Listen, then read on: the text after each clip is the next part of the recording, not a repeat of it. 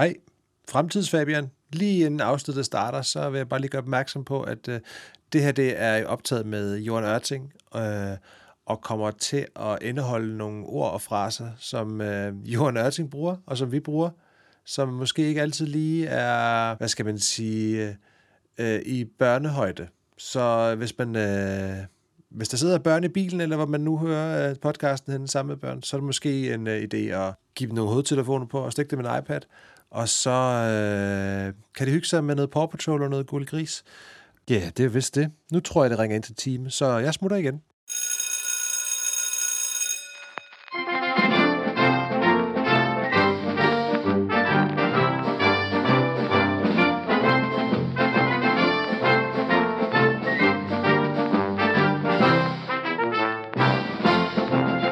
Velkommen til Voksenskolen. Mit navn er Fabian Petersen, og jeg har den store ære at sidde på skolebænken med mine klassekammerater Louise Hansen og Sys Bjerre. Voksenskolen er en podcast, hvor vi sætter os tilbage på skolebænken og lærer forfra. Og så er vi tilbage fra frikvarteret og er til time igen. Måske kan man høre, at vi ikke er i, igen ikke er i øh, uh, Kridthuset Jakob, som vores studie hedder. I dag har vi nemlig igen bevæget os ud uh, for at besøge dagens gæst. Vi er nemlig rykket et par kilometer længere ind mod byen, og befinder os nu på Christianshavn, nærmere betegnet Villa Vilder, hvor vi er gæster hos vores gæst. Hun er opvokset i Søborg ved København og har i mange år været teaterbarn, hvor hun lærte at udtrykke og udfolde sig. Hun er måske bedst kendt i den brede danske befolkning som seksolog, men derudover kan hun også skrive teaterinstruktør, foredragsholder, kognitiv terapeut, coach, brevkasseredaktør og tv-vært på sit CV. Vi er enormt glade for, at hun sagde ja til at være med i dagens afsnit, som kommer til at handle om seksualundervisning. Og når jeg tænker seksualundervisning, og hvis jeg selv kunne ønske mig en lærer, så vil jeg ikke ønske mig andre end dagens gæst, Johan Ørting. Yes. Velkommen til. Tak. Hej. Hej. Det var flot. var det sådan nogen rigtigt? Ja. Jeg har sikkert sprunget rigtig mange ting over og glemt en masse ting. Men, øh... Altså, jeg er også bondepige jo. Bondepige. Bor på Langeland. Ja. Blomstermark. Ej, fantastisk. Det var det, jeg længtes efter dengang, jeg købte for 15 år siden.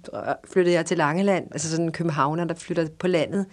Men den der længsel efter at løbe, løbe rundt der, og så ned ved vandet og alt det der, ikke? Det vil sige, du er blevet bundepige, du har ikke altid været? Jamen, jeg har altid drømt om at være det. Da jeg var barn, ville jeg tænke, hvad skal du være, når du bliver stor? Bundepige. Ja. så nu er jeg både seksolog og bundepige, altså. Det var heldigt. det er meget heldigt. Lige nu til den lidt våde side ja. på Langeland og alle andre steder. Men udover at være på Langeland, så er du også lige kommet tilbage fra en, øh, en tur i uh, Indien. Ja hvor du øh, har været på et øh, intensive awareness kursus ja. i, øh, i, i en ashram. Ja, hvad er så en ashram? Ja, det er der er mange, der ikke ved, hvad en ashram er. Ja, det er rigtigt. Det er jeg, må, jeg må da selv lige google det egentlig. Ja, det er meget sjovt. Der er nemlig så mange, der spørger, hvor jeg tænker, det ved alle. Altså, Indien er jo fyldt af ashrammer og oplyste mænd og kvinder, ikke? Altså, ashram, det er nemlig sådan et sted, hvor man går hen og lærer at meditere, hvor man er i proces, hvor man har fokus på sin egen spirituelle udvikling, Mm. Og det er folk fra hele verden, der kommer til de der ashrams. Ja. Og det er jo fantastisk at give sig selv. Nu gav jeg mig selv 24 dage til at, at, være, op, og, at være opmærksom på mig selv. Det gør man jo ikke herhjemme. Der er hele tiden et eller andet. Man kan jo ikke øh, over, altså overhovedet øh, have overskud til at se, om man er i en proces eller ej. Men når man kun har fokus på sig selv, og det meditation, som man laver i 24 dage, så sker der rigtig meget. Det er virkelig en gave at give sig selv. Bor man så på det ashram alle sammen, eller kommer man der så bare dagligt? Ja, altså den her ashram, den, der, man har så sådan et uh, pas. Den hedder, det er Oshos gamle ashram, kan man sige. Osho er død i dag. Det var også ham, der hed Bhagwan. Det var, og så senere hed han Osho. Og øh, en, en guru, det betyder egentlig bare en lærermester. Og det er en lærermester inden for meditation. Altså, hvorfor bruge meditation i sit liv og sådan. Mm. Og jeg var der allerede, da jeg var 34 første gang. Der var jeg der i fire og et halvt måned og tog en meditationsuddannelse. Og så har jeg så været der sidenhen, og, og så nu igen.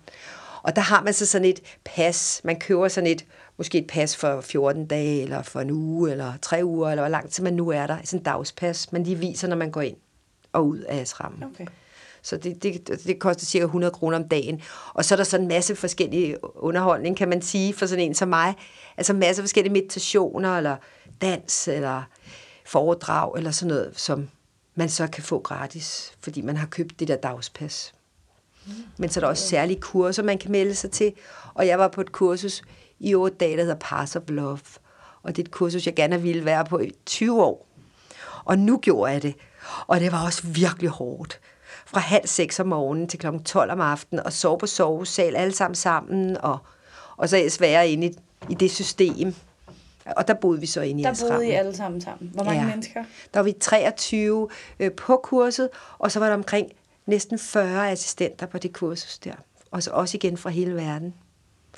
Og det handler så sådan en kursus om. Ja, ja, det er det. Ja, og det er egentlig lidt hemmeligt, hvad der foregår, mm, fordi der er jo så mange andre, der drømmer om at tage på det, og så skal man hel- helst ikke vide for meget, fordi der er sådan nogle overraskelsesmomenter. Mm.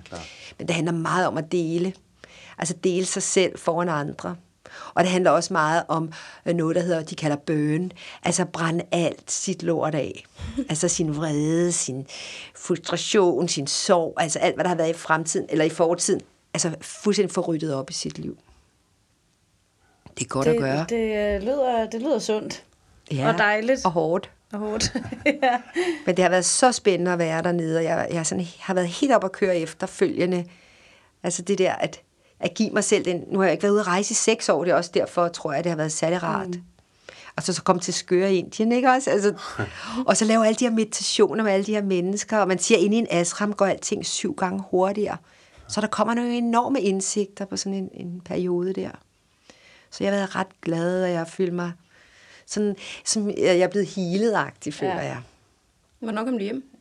Jeg kom hjem her for halvanden uge siden Til regn. til regn. Ja. Det regnede lige siden. Ja. Ja. Det, det så, så- du har sådan en skøn kulør i modsætning til os andre, sådan lidt lav på stejs i hovedet. I wish, jeg havde steg. Jeg synes bare, jeg er helt hvid. Nej, Er det sådan en plan med, at øh, jeg synes, jeg læste eller hørte noget, at du havde måske en plan med at, at tage det kursus, du har været på, og tage det med tilbage til København og lave noget her er på... Nej, jeg, jeg, jeg var på det kurs, der hed Pass of Love. Det, det, det tager jeg ikke med tilbage. Jeg kan selvfølgelig være inspireret. Mm. Og så havde jeg tænkt mig at gå på et tantra-kursus. Men da det så kom, da den dato så kom dernede i Indien, så havde jeg ikke lyst til at være inde i systemet. Altså jeg har ikke lyst, jeg har lyst til at være i flow. Mm. Og flow har været mit helt store tema. Altså det der med at virkelig have et samarbejde med min sjæl. Altså hvad har den lyst til nu? Altså virkelig følge mig selv, uden at have alle de her to-do-lister, planer og kontrol. Så virkelig være i flow. Så derfor så meldte jeg fra på det der tantra-kursus, jeg havde ellers bundet mig til. Fordi jeg selv laver en tantra-uddannelse her den 28. februar, og har det har jeg tænkt mig at fortsætte med at lave mange forskellige hold. Men der havde jeg faktisk heller ikke lyst til, øh, jeg talte med hende, tantralæreren, altså at kopiere hende, fordi hun var den eneste lærer på det der kursus i de der 7-8 dage. Og jeg har ikke lyst til sådan at være en kopist af hende. Og jeg tænkte, ah, jeg ved nok mere end hende i virkeligheden om det. Fordi jeg hørte, at hun havde haft sådan nogle, øh, øh, hun havde haft nogle, eller sådan en, nogle el- elsker, der var tan- tantriske, men jeg har haft øh, lange relationer, så jeg ved faktisk lidt mere end hende, tror jeg. Og, jeg. og jeg synes, det er vigtigt, at når man laver tantrakurser, at der er mange lærere. Altså, man oplever mange forskellige sider af det. Mm. At det ikke er ét menneske, der går igennem det hele. Det kan godt være, det er bare mig, der øh, tæ- tænker, kan du, ikke, kan du forklare bare lige sådan kort, hvad et tantrakursus går ud på? Ja, hvad er For tantra almindelige mennesker, som ikke... Altså, jeg ser jo som en slags overbygning på, på porn. Eller sådan, altså, hvad er vi til? Er vi til eroticism, eller er vi til porn? Ja. Og jeg har nok altid været til, altså, eller det har jeg altid været til, sådan det sanselige, det erotiske. Man kan kalde det det feminine måske. Mm. Altså hvor den seksualitet, de fleste af os har kørt, det er sådan en meget fra A til B. Altså der altid er et mål, og det er det samme mål hver eneste gang. Og når der er det samme mål hver eneste gang, som jo er udløsning, og det primære mål er mandens udløsning, kvindens orgasme ligger så imellem. Mm. Altså manden vil gerne have, at hun kommer inden for mm. de første kvarter eller sådan, eller første 10 minutter, og så er det så, han kan tænke på sig selv, og så nå målet. Altså det er jo ligesom den, vi har kørt. Altså at vi sådan har været meget opmærks, altså vi har været meget fokuseret på orgasme mm. og på at, altså på at komme. Mm. Kom du. Og det har ligesom været sådan, om så var det godt eller skidt. Hvis man kom, så var det bare skide godt. Altså, Succeskriteriet. Total, ikke? Altså fluebenet der, ikke? Også, vi, vi did it. Godnat. Ja, Ja. godnat. Men så samtidig, så når man er seksolog og parterapeut, så ser man jo hurtigt, at der er så meget manglende lyst. Det har jeg selv oplevet flere gange i parforhold. Netop på grund af det system der, mm. som jo, altså fordi man kan sige, at mænd er logiske. I det øjeblik, han ved, hvordan en kvinde får orgasme, så vil han også gøre det samme hver gang, mm. for at nå hen mod den orgasme. Og så har vi bare det, der hedder vanesex. Og, og vi mimer os også tit til det. Altså på den måde, vi ikke taler om sex i parforholdet. Vi sådan mimer på den måde, at Nå, nu er han gået i bad. Nå, klokken det. Nå, det betyder nok, at han, er, han vil nu. Eller, altså det der med, at vi skal ligesom fortolke os frem til, hvad, mm. hvad er egentlig... Altså, er, er det nu? Eller, altså, vi kan ikke finde ud af at tale om, om seksualitet i parforhold. Det kan vi bare ikke. Stadigvæk ikke, fordi vi ikke har ord på det, eller vi ved ikke, hvordan vi skal gøre det. Det kan vi selvfølgelig tale om her. Og hvad så Ja, heldigvis. Men så tantra, det er så anderledes, fordi der har man ikke det der mål. Fordi hvis man har det samme mål hver gang, har man også den samme måde at nå hen til målet på, ikke? og så netop vane sex. Men i det øjeblik, man ikke har et mål, så har man jo ikke noget vane sex, så har man ikke nogen metode, nogen agenda, så bliver man nødt til at være i noget. Mm. Og det er det processen, i, det, altså i tantra, eller det er processen, der så bliver det interessante i stedet for målet. Lige nu er vores fokus målet, altså maskulin. Ja. Altså den side af os, der er maskulin. Altså man kan sige, måske halvdelen af jeg af mig er, er maskulin, halvdelen er feminin. Måske lige en overvægt af det feminine. Men den side af mig, der er maskulin, vil gerne nå et mål og, og, og, og afslutte. Den side af mig, der er feminin, den vil være i processen. Den vil hellere være liderlig. Altså den vil hellere opleve det der med egentlig at få skruet hovedet af, og være ren krop, og være åben, og altså være i den der vidunderlige orgastiske tilstand. Mm. Mere en file en orgasme frem på nogle minutter, hvor manden kan ligge og tænke, er hun ikke lang tid om at komme? og hun ligger og tænker, åh, den tunge, der er så målrettet, den har den her agenda, den vil have, jeg skal komme nu, og nu kan jeg slet ikke, fordi Nej. at hans tunge er så målrettet. Ej, det, Og så synes jeg, det er så spændende med det tantriske, fordi at der ikke er det her mål. Jamen, hvad gør vi så? Hvad stiller vi så op i den proces? Hvad har vi lyst til at foretage os, når vi ikke ved, hvor vi skal hen med det? Men når du siger, at der ikke er det mål, er det så fordi, man simpelthen tager det mål helt væk? Altså sådan siger, at nu er det... Altså, Han er det ikke om, nu- at vi leger at få børn, altså mor og far laver Nej, nej, børn. præcis. Så man tager orgasmen, og så lægger man den ned i en skuffe, Ja, og, og, og nærmest sådan forsøger at holde den tilbage. ja, altså øh, vender sig til at få en masse sex rundt i sin krop. Altså i stedet for, at vi kun har fokus på vores kønsdele, og der er en masse sex, der hober sig op der, og vi så filer os til en orgasme, hvilket vi jo sagtens kan, og det er vi jo også vant til med vores egen hånd, og sådan. Mm. Og mænd øh, kender også det der med, at de håber en masse seksualitet op omkring øh, kønsdelen, men så kommer han også tit hurtigt. Ja. Altså så kan han ikke kontrollere det, fordi der er så meget af det lige der. Altså igen, så det der med, at vi skal ligesom have seksualiteten ud i hele vores krop. Den skal ud i skuldrene, den skal ud i armene, den skal ud i benene og fødderne, og sådan så, at vi får orgasmer, fordi vi er liderlige. Mm. Ikke fordi de er sådan filet frem, Nej. men fordi, og så kan vi begynde at få orgasmer alle steder fra i kroppen, fordi vi har så meget sex i kroppen, og vi får så let ved også at få orgasme, fordi vi er liderlige. Altså tit i samleje er vi ikke rigtig liderlige. Altså der kan vi spænde op til en orgasme, og vi kan sådan release. Altså med, ah ja, så får vi en orgasme. Men det er jo ikke sådan, at vores, hele vores krop har været liderlig. Det har bare været en slags øh, muskelspasme, vi har releaset. Hvilket jo også er rart nok. Men det er ikke, fordi der er noget galt i at få orgasme overhovedet. Men jeg tror, at rigtig mange øh, kvinder i dag egentlig føler det som et pres, at, at nu skal manden kravle ned under dynen og, nu, og slikke hende. Eller, altså hun føler lidt, at for at sige det samme, der sker hver eneste gang. Ja. Og hun skal gøre det på ganske kort tid. Ja, så han ikke bliver utålmodig i processen, eller giver op, Ja. eller og føler, at, at åh nej, min krop virkede ikke, og nu bliver han helt skuffet over, at jeg ikke virkede. Ja. Ja, især hvis han har prøvet det før, og det virkede. Ja, ja, præcis. Sådan, nu virker det ikke i dag, og det er onsdag, det var tirsdag i går, det virkede det perfekt. ja. Men vi snakkede lige kort om det herude, da vi lige lavede en kop kaffe. Øh, det med sådan med alder. Og jeg er lidt nysgerrig på, de der tantra-kurser, hvad alderstrin, hvad bevæger vi os i? Altså, hvor, hvor gamle er man, når man går på, på tantra-kursus, sådan typisk? Der er man, ja, der er man lidt alle aldre. Altså, der er rigtig mange kvinder, der er interesseret i det i dag jo. Mm. Fordi at vi kvinder, vi længes. Jeg tror, vi længes efter processen. Mm. Vi længes efter, at vi ikke skal nå, altså vi ikke skal ligesom tage en bjergbestigning, og mm. vi ved der klokken halv 11, hvor danskerne. De fleste danskere har sex der ved halv 11 tiden, og de fleste gør det på Altså om omkring formiddagen, 10 minutter, eller om aftenen, Okay, okay. halv 11, kvart over 10, halv det er 11, sjovt. på cirka 10 minutter. Altså det er sådan systemet er, og vi så ikke taler om det, og vi gør det samme hver gang, og det handler om, om at komme. Mm. Og det, er, det ved vi jo godt, det kan vi jo ikke holde ud i længden. Nej, altså det det kan et vi bare liv. ikke. Og kvinder er jo begyndt, og altså halvdelen af Danmark er jo single lige nu, halvdelen af Danmarks kvinder er alene lige nu. Og det vil, det vil sige, at vi begynder jo også at komme tættere og tættere på, hvem vi egentlig er, og finde ud af, er det den der slags sex, jeg, jeg gider, det der ind, ud, ind, ud, ind, altså friktion? Mm. Eller kunne jeg egentlig godt tænke mig noget med energi?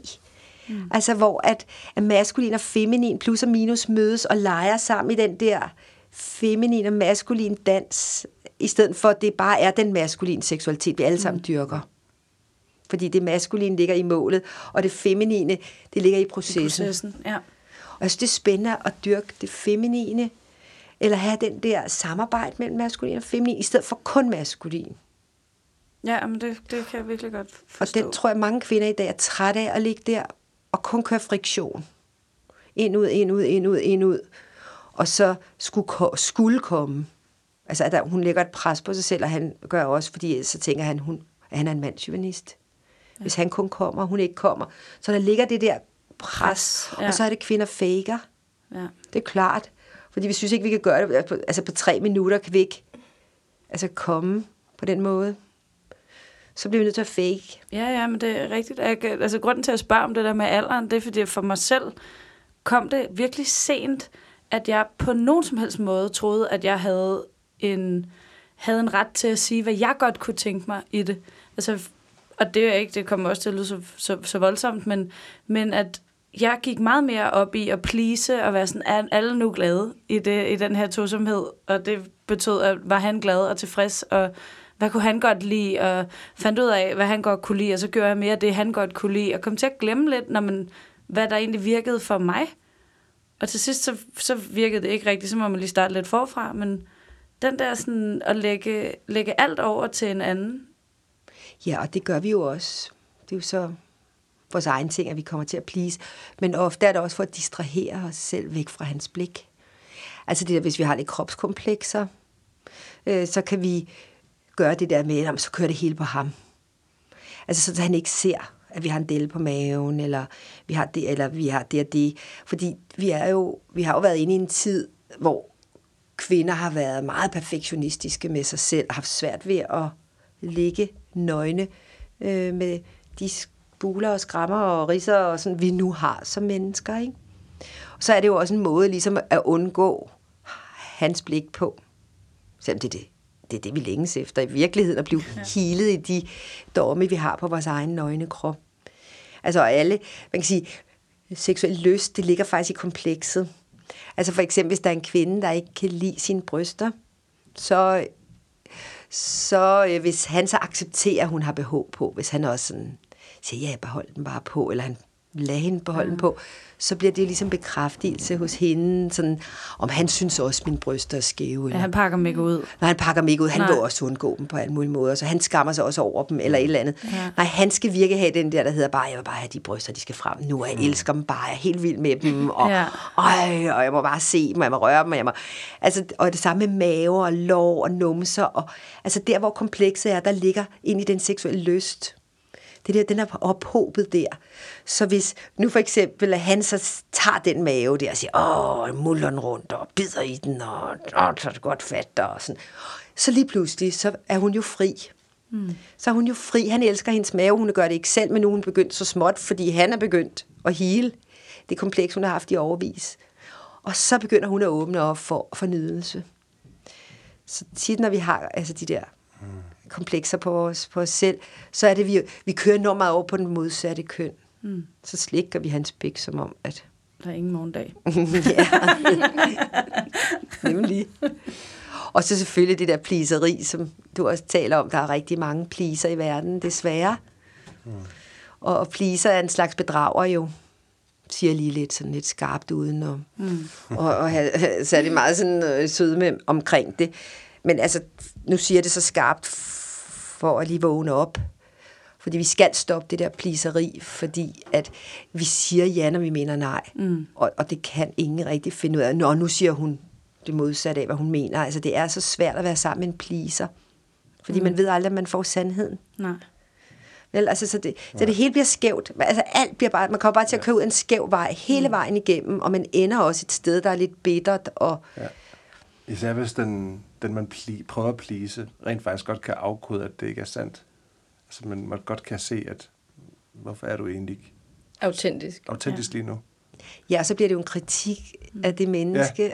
Og, og det menneske har lavet en strategi for at undgå konflikt. Mm. Altså det menneske, der er pleaser, har jo som barn oplevet, at forældrene for eksempel har skændtes så vrede og farligt. Mm. Og at barnet har oplevet at blive bange for den vrede, at skulle miste sine forældre, eller hvad der nu kunne ske. Ikke? Så har der ligesom været en ring af frygt rundt om hjertet, og så når der er frygt, så er der også kontrol. Så laver man også en kontrolcirkel rundt om sine følelser, altså rundt om hjertet. Og så begynder man ikke at kunne få adgang til sine følelser. Så kan man ikke længere mærke sin intuition. Man kan ikke mærke, hvad der er rigtigt og forkert for en. Så kan man kun tænke sig til det. Og måske mærker man, at man ikke er rigtig glad, fordi man har jo lukket af fra sin, for sin hjertelighed. Mm. Og derfor begynder man at tænke, hvad kunne gøre mig glad? Nå, men det kunne måske være en tur til Thailand. Det er der så mange, der siger, at man bliver glad i Thailand. Ikke? så tager man til Thailand, og så tager det fem minutter, så man er ikke glad alligevel. Så tænker jeg, hvad kunne jeg så blive glad, når jeg kunne, jeg kunne måske få en kæreste og nogle børn og købe et hus. Og, og det tager fem minutter, så man er ikke glad for det længere, fordi det er ikke en ægte glæde, det er kun tænkt. Og på den måde, øh, så er det svært for en pleaser at være glad, mm. fordi hun eller han er ude af sig selv og op i hovedet. Så vi skal jo som voksne sige, okay, jeg er pleaser, jeg har levet som en pleaser hele mit ja. liv, men nu vil jeg faktisk gerne ind og opleve mine følelser igen, mm. fordi hvor farlig er vrede i virkeligheden i dag som voksen. Ja, hvis man ikke må gå med pistol, så er det jo ikke så farligt. Nej, så er der en lille konflikt, der nogen skændes, eller et eller andet, nogen er sure, eller lige hisser sig op et øjeblik. Mm. Og hvad så? Skal jeg jo ikke gå og ødelægge hele mit liv på mm. at undgå det. Så det at begynde at komme ind i sine følelser igen, begynder at lære at udtrykke sine følelser. Hvad, hvad føler jeg i virkeligheden? Og hvad har jeg egentlig brug for? Altså kun de to spørgsmål. Hvad føler jeg? Og så sætte ord på de følelser der. Og under enhver svær følelse ligger et behov, vi ikke har opdaget. Og det er derfor, vi så skal spørge, hvad har jeg egentlig brug for, siden jeg fik den følelse? Mm. For eksempel. Og jeg føler mig tom lige nu. Jeg har tomhedsfølelsen lige nu, for eksempel. Hvad har jeg brug for? Om jeg egentlig brug for at fylde min kærlighedsbeholder med noget kærlighed. Det vil jeg ikke føle mig tom, jo, så jeg har brug for noget kærlighed. Nå, hvordan kan jeg gå i handling med det? Nå, jeg kunne gå hen foran spejlet og sige kærlige ting til mig selv. Jeg kunne omfavne mig selv. Eller jeg kunne ringe til en og sige, sig lige til mig, at du elsker mig, og du er helt vild med mig, og du synes, jeg er et fuldstændig unikum. Og ja. Man skal lidt hand, i handling Ja, også, ja, ikke? ja. Men det er en måde at komme ud af sin pleaser på, det er at begynde at sætte ord på følelser og behov. Det kræver vel også noget at kunne komme til den selverkendelse, at man siger, okay, nu skal jeg have fikset de her ting, eller nu skal jeg have gjort de her ting, eller gøre et oprør med mig selv. Det må være vildt svært, når man har levet et helt liv med ja. i pleaserrollen. Ja, det skal gøres. Ja, Fordi man kan ikke leve resten af sit liv i pleaserrollen, så lever man skævt. Så man ikke i overensstemmelse med sin sjæls kalden og længsel. Så bliver vi enten syge, eller vi kommer ud for nogle uheld, fordi der skal et wake-up call ja. til. ja, det er rigtigt.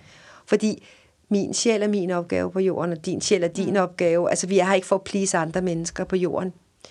Vi vil hjertens gerne hjælpe hinanden, og vi er we are all one, som det hedder. Altså, vi alle sammen hænger sammen på en eller anden måde. Så man Energimæssigt skal lige tage sin egen iltmaske på først. skal vi altså. Ja. Men er det din oplevelse, at mange af dem, som opsøger dig for at få hjælp, at de ligesom er kommet ud af en krise, eller er det mere bare en ren interesse, der er opstået? altså mest en krise. Det er kriser, der skaber forandring. Mm. Altså, der er guld i kriser, ikke? Jo, jo. Det er altid godt med en krise, selvom vi gør alt for at undgå den. Men det kan noget. Det kan virkelig noget. Ja. Fordi så rækker vi ud efter nye redskaber og nye indsigter. Mm. Ja. Så derfor, hvis vi gør alle vores kriser igennem i vores liv, så vil vi godt kunne se guldet i dem alle sammen. Ikke? Man kunne lave sådan en streg med, altså sådan en streg fra 0 år til så den alder, man er nu. Og så lige sådan på den der, Pinpoint. Ja, sådan- pinpoint bare lige- kriserne. Ja, og hvad ville jeg ikke kunne have gjort eller oplevet, hvis ikke jeg havde været i den krise? ja. der er jo også et eller andet med, jeg kender det fra mig selv, at når man står der helt ned på bunden, og man er helt nede, og det føles som om, at man aldrig nogensinde vil smile igen, at det er også der, hvor der bare lige pludselig åbner sig alle mulige muligheder, fordi så kan det være lige meget, fordi du er alligevel der, når du kan ikke blive mere ked af det, det kan ikke lade sig gøre. Og så bliver man lidt mere modig nogle gange, når man lige har trukket vejret, ikke? Som sådan, Nå, så kan vi lige give det et skud, og så prøver man måske noget nyt, og Ja, noget, noget man ikke har prøvet før. Absolut. Jeg synes, du har været så god til det. Altså, nu har jeg oplevet dig, Louise. Til, nu har jeg både synes, at jeg har oplevet dig sådan fra et nært hold her de sidste mange år efterhånden, og du har især været igennem nogle kriser, ikke? Øh, Og det har virkelig været vildt at se, hvordan du har taklet de her ting. Nu- kigger du lidt mærkeligt på mig. Men, Ja, det er fordi, jeg synes, jeg, ikke, jeg har været mere krise, end I har. Nå, men altså... Nej, det kan godt være, det ikke, men jeg synes, du har taklet det på en virkelig, virkelig fed måde. Altså, Prøv at lave et eksempel på, hvad for en krise for eksempel. ja, det er da meget spændende, hvad Nå, men kom havde- en af mine kriser. Ej, men jeg kan huske, der var, en, øh, der var noget med en eks, øh, som gik fra dig, eller du gik fra ham. Jeg tror, han gik fra dig. Jeg tror, det er derfor, det gjorde så ondt. Men det der med, at du var så rationel i sådan nærmest dagene derpå. Hvor sådan, Nå, nu har jeg tænkt mig at gøre sådan her, fordi det er nok bedst for mig.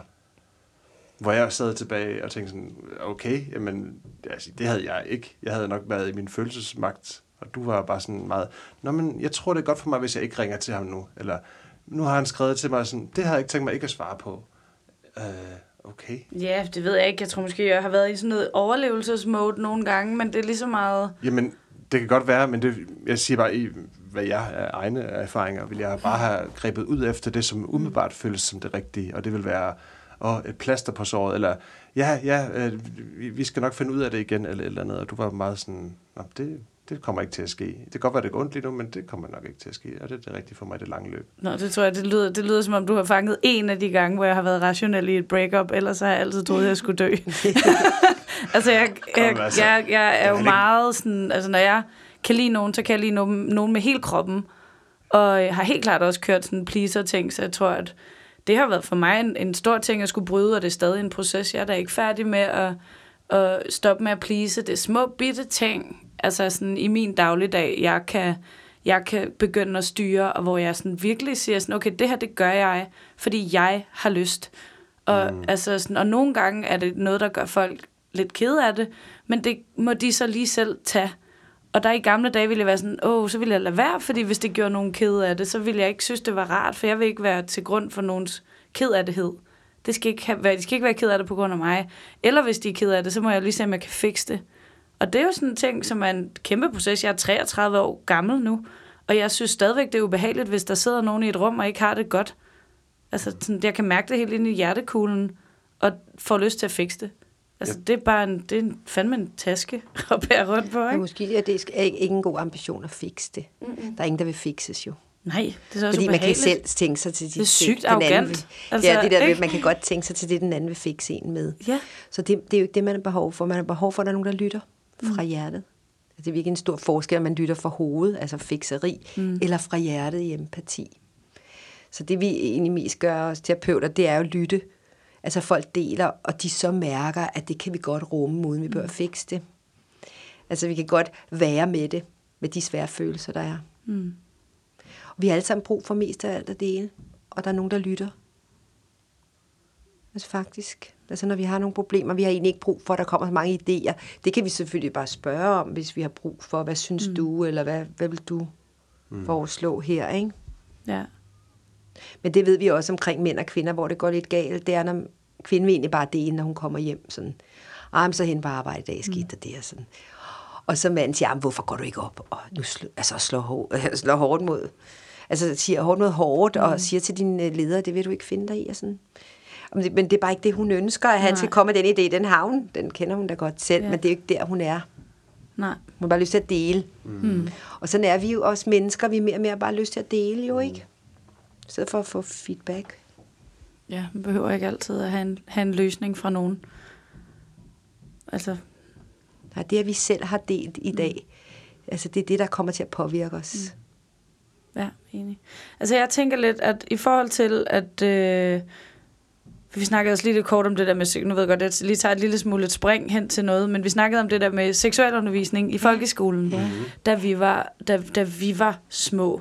Ikke? Vi er jo selvfølgelig forskellige aldre, men lad os lege, at vi alle sammen er i samme alder nu. Og for mit vedkommende, da jeg gik i folkeskolen, var min seksualundervisning helt enormt mangelfuld. Og det foregik i 6. klasse, og så tror jeg faktisk nærmest ikke, jeg har haft noget siden. Mm. Altså, der er ikke noget rum i, i et fællesskab, hvor man, hvor man taler om noget, medmindre man selv søger. Sådan en som dig, Johan, hvis man har mod til at sige, jeg vil gerne udvikle mig. Vi får ingen gaver i noget seksuel undervisning, og det handler ikke noget om, hvad nogen synes er rart, eller at sex kan være rart. Det handler om, hvordan man undgår at få børn når man får seksuel undervisning. Og der kunne jeg bare godt tænke mig at høre dit take på, fordi du virker bare modig og Tak. indsigtsfuld i forhold til, når man at kunne, kunne formidle ting. Hvordan man kunne gøre bare en lille bitte forskel til, at vores kommende generationer måske tror lidt mere på, at de godt må have det rart. Også at, at vi ikke er, har sat på jorden for at skabe børn. Ja, og det starter måske med, hvem der underviser i det.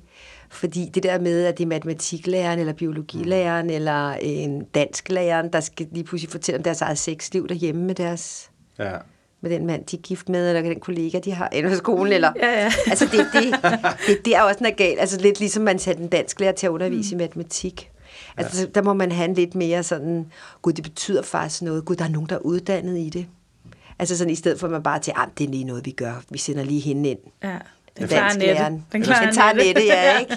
Ja, for ellers bliver det bare sådan en anatomiundervisning gå ud fra, så bliver det bare meget fysisk. Her er den her, den skal mm. derhen, og så sker det med kroppen, og så kommer der en baby ud, og så... Ja, og når vi ved, at vi ikke engang taler om det derhjemme med vores egen partner, så det er jo det, det at, at tale om sex er jo en træningssag. Ja. Og det er det egentlig sådan en uddannelse går ud på, at man bliver virkelig god til at kommunikere naturligt om det, der er vanskeligt at kommunikere om. Så først og fremmest det der med at sende en uddannet en mm. ud i klasserne, også hvor de kan være frie, og hvor der ikke er nogen klasselærer til stede, ja. altså Ja. hvor de kan række en finger op på et spørgsmål, eller mm. altså sådan, at de kan være sig selv ind i undervisningen, uden de bliver skammet bagefter, eller grint ude af nogle andre. Altså fordi den lærer, der så kommer, eller den under den seksolog, øh, kan godt sørge for, at det ikke sker. Altså at det ikke er pinligt, eller, Ja. Ja. Eller ikke er den der skamfølelse i, i til stede. Men så også for eksempel, øh, altså et spændende tema nu at gå ud med i klasserne, ja. det er meget det der med, at der ikke er en møde om jo. Ja. Altså vi er jo alle sammen manipuleret med den myte, at der er en møde om, at man skal igennem et slags trommeskin som en ung, Nå, ja. pur ung mand med en følsom Ja. Ja. tissemand, som nu skal sådan igennem et trommeskin, Trommeskin. som oven i købet skal bløde, og det skal gøre ondt på hende. Ja. Ikke? Og, og hun tænker det samme, gud nej, det, skal, ja. det der trommeskin det skal, ondt. Ja, Ja. og bløder det i munden, og altså sådan alt det der, hele den idé, altså hele den måde, man har løjet på omkring det. Men den altså findes kejserens ikke. nye klæder. Altså, nej, nej, den findes ikke. Det er en myte. Altså, helt logisk, hvordan skulle vi menstruationsblod komme ud, hvis der var sådan en? Det er en god pointe. Men tænk, at vi er alligevel siddet i 2020, og det er faktisk kun få, der ved, der ikke er en møde om. Men jeg skulle til at sige, Jeg jeg, vidste vidste det ikke. altså, Nej, så det er jo det første, vi skal fortælle, at den jeg ved godt, den historie... ikke er der mere nu hos mig selv, men altså, what? Ja. Nå. Så hvad, hvad, hvad, hvorfor er det så, det så alligevel bløder lidt? Ikke? Ja. Altså det er, fordi der kan godt sidde sådan lidt væv ude i siden, altså i kanten. Mm. Altså det, der, en, det kaldes en lille kønskrans. Okay. Men der er, ikke noget, der er ikke noget, der går sådan fra den ene side til den anden side. Mm. Der kan godt være sådan en lille kønskrans. Og så det, der egentlig bløder, det er vævet, når det bliver brugt. Ja. Altså sådan, øh, hvis nu pikken går sådan op lidt hårdt, sådan, åh, ind ud, ind ud, mm. på en, der ikke har prøvet det før, så ja. bløder vævet. Ja. Det er det, der gør det. det er ikke, der er ikke nogen møde om. Nej. Spændende. Ja, altså, det synes jeg jo i sig selv er ret vanvittigt at tænke på. Okay, altså vi sidder her voksne mennesker og får at vide, at møde om den findes, findes ikke. Ja, og hvorfor er vi blevet bildet det ind Ja. indtil Ja, dag hvorfor er to? det? Hvorfor er der ikke en læge eller en gynekolog eller noget, der har sagt, der er Lige rækket hånden op og sagt, lige- hov, I vrøvler lidt nu. Ja, eller hallo, nu er jeg studerende herinde på øh, fakultetet her. Jeg har aldrig set en møde om. Kunne vi se en? Ja. ja. Det kunne være spændende bare at se et billede af en møde Ja. Ja. Altså, er der aldrig nogen, der har bedt om at se et billede af en møde om? Altså, hvorfor er det, man ikke har talt om det, ikke? Ja. Hvorfor er der aldrig nogen, der har set en? Og så alligevel talt om, som om den er der, og ja. øh, muslimske piger, der skal Ja. have Have lavet igen, sat ja. op. Ja, hvad siger lægen, så der skal undersøge de piger? Sådan, jamen, Ja. den er der ikke. Ja, han vil jo sige, at den ikke er der. Ja, det, Ja, det er klart. For den er der jo ikke. Det er svært at sige, at der er noget, der aldrig har været der, der er der. Ja, men også hver eneste gang. Vi har været op som unge øh, piger og fået taget mål til bizarre, eller fået p-piller, eller et eller andet, at der ikke er blevet sagt, jeg ser, du har en mødom, eller Ja. det er der jo bare ikke blevet talt om. Sikke flot møde, om du har. Ja, ja, Eller- du har en usædvanlig Ja. stærk mødom, eller den er lidt tynd, eller... Nå, der er et lille revne. Det kan være, du har gået jeg til kan da også ridning. huske, ja præcis, vi Ja. har da fået at vide, da vi var små og sådan noget, ja, man kan jo godt miste sin mødom af at, at gå til ridning. Ja. Så man var lidt forberedt på sådan, nå okay, måske har jeg ikke en mødom, men det betyder jo ikke, at jeg har haft sex. Det er bare, fordi jeg har været meget ude. Jeg ved, ride. ja. Men det skulle Det være sådan, absurd. at alle, der ikke fik, altså man, som 16-årig, man stadig ikke har fået menstruation, for eksempel, så det er nok, fordi det ligger oppe i mødommen, jo ikke alt, alt blodet. Nå, ja, det Altså, lyder lækkert. Ikke? Altså, altså, der er jo virkelig noget lo- ulogisk i, at der Ja. skulle komme menstruationsblod ud igennem sådan et slags trommeskin der. Hvordan, altså, har vi aldrig tænkt det, ikke også? Altså, hvordan skulle blodet så komme ud? Ja, det er rigtigt. Jeg kan godt mærke, at det er, det er jeg ked af, at jeg ikke har stillet spørgsmålstegn ved før. Det er virkelig sjovt, som en kollektiv bevidsthed kan noget. Når man bare siger, ja, det er mødt om. Nå, sådan. Ja, det kan man bare se. Ja, og der ikke er en eneste, der har sat svar. Altså heller ikke mænd, der er meget logiske. Sådan, ja, hvordan kommer blodet så ud? Hvorfor bruger hun øh, tamponer, når hun har en mødom til at Ja. holde? Altså det, det er jo... Øh, Ja, det er, Jeg tror altså bare, inde i mit hoved har jeg forestillet mig det mere som en ring. Det tror jeg, jeg har tænkt. Ja. At det sådan, ville give bedre mening, hvis det ikke var helt lukket. Okay, så Men du har altså- logisk faktisk godt vidst, Men det jeg har var jo mere ikke en kønskrans. snakket med nogen om det. Eller sådan... jeg ved ikke. Det er godt nok mærkeligt, hva'? Det Ja, er det er mærkeligt, Men ikke har fedt, vi lige får det her med. og hvorfor ja. tror jeg, at man har bildt folk det her ind? Hvorfor tror I? Hvorfor tror I, at man har bildt kvinder ind, at kvinder har en, en mødom? Altså en historisk, hvorfor, hvorfor tror I? Altså, øh, umiddelbart noget religiøst, men det kunne jo også være, der er noget sådan, forældrene har skabt et eller andet, øh, ligesom at med Karius og Baktus, og du ved, sådan for at skræmme ungerne. Ja, Ja, det er jo en form for kontrol. Du skulle jo kan- være jomfru, når du blev gift. Altså, det var på bryllupsnatten. Og hvis, der så, hvis du så var besudlet, så kunne- skulle du ikke være nogens kone. Så var du damaged goods. Præcis. Mm. Så på den måde har man undgået, at pigerne er gået ud og kastet sig i gram. Ja. Ikke inden de blev gift med En det. stor kasse skam til alle. man har mulighed for at måle det. Ja. Mm. Man har mulighed for at holde øh, pigerne i, virkelig stram snor. Men så sidder vi her i 2020, og vi har lige fundet ud af, os tre over for dig, at der ikke findes en mødom. Altså nu, så er det jo ikke så mærkeligt, at der stadig er nogen, der skammer sig lidt altså, over at tale om sex. Altså det er jo... Ja. Det er stadigvæk sådan helt akavet. Og sådan, jeg var også sådan, da min mor sagde sådan, "Nå, så skal I ind og optage med jorden. Hvor bliver det bare spændende? Hvor jeg var sådan, shit, det skal du høre, mor. altså, sådan, og, altså, hvor jeg, sådan, der, jeg kender også nogen, der kan tale med deres forældre om det. Helt sådan naturligt. Det har jeg ikke noget behov for. Nødvendigvis. ikke på den måde, men, men tænk, hvis man kunne. Tænk, hvis det var noget, man kunne tale om over spaghetti med kødsovsen. Og være sådan, ej, jeg havde også en oplevelse, hvor jeg ikke, øh, der følte jeg faktisk, at min grænse blev lidt overskrevet, fordi jeg kom til at sige ja til noget, og sådan, tænk hvis, tænk hvis man kunne tale om det. Så åbent. Selvom det er svært, Ja. når det er forældre. Der er man deres lille pige jo, ikke? Ja. At det er lidt den Ja. ja. rolle, man har i forhold til sig. Altså, jeg ved ikke, om man ville ønske det. Eller man ikke heller ville have nogle forbilleder, altså Ja, okay, det godt, store god søster, øh, øh, andre voksne. Ja. Altså en ordentlig undervisning i skolen med det, og i klubber, og altså alle steder. Jeg tror, jeg har været ret glad for, at mine forældre har været så åbne, selvom at jeg også har joket meget med, at jeg synes, det var ulækkert. Men et eller andet sted var det jo rart at vide, altså jeg kom jo også bare til min mor og sagde, nu er jeg sex, og så sagde hun, nu skal du have p-piller, og så var det bare ligesom det. Men altså inden der havde de selvfølgelig forklaret mig, hvad det var, det handlede om. Men, øh, men de har jo også ligesom vist mig, hvor deres pornofilm står, og mm. hvor deres sexlegetøj ligger og sådan noget. Og det er mig og mine to søstre, jo synes var sådan, Åh, fuck hvor ulækkert, samtidig med, at vi jo også har set alle de der pornofilm, som vi snakkede om i en anden episode, og læst alle de der blade og sådan noget. Men det var, sådan, det var egentlig, man følte i hvert fald, at der var mulighed for at sige alting, hvis det skulle komme. Og jeg tror da også, at vi alle sammen har sagt forskellige ting på forskellige tidspunkter. Det tror jeg har betydet ret meget, men altså, måske kunne jeg... man godt have undværet sådan ideen om, at ens forældre sådan, eller man vidste jo godt sådan, hvor de var nået til i de der pornofilm og sådan noget. Men det er jo bare, fordi ens egen hjerne kører ud af en tangent, hvor man så forestiller sig ens forældre, hvor man bare sådan, uh, har du? Men det er jo også sådan et gammeldags igen, det der med, at forældre har pornofilm liggende. Mm. Altså det har man jo VHS'er. heller ikke i dag. Nej, altså nej. de nye forældre i dag har jo ikke film liggende. Hej, hej, internet. Ikke? Jo. ja. Man kan slet ikke følge det så, vel? Nej.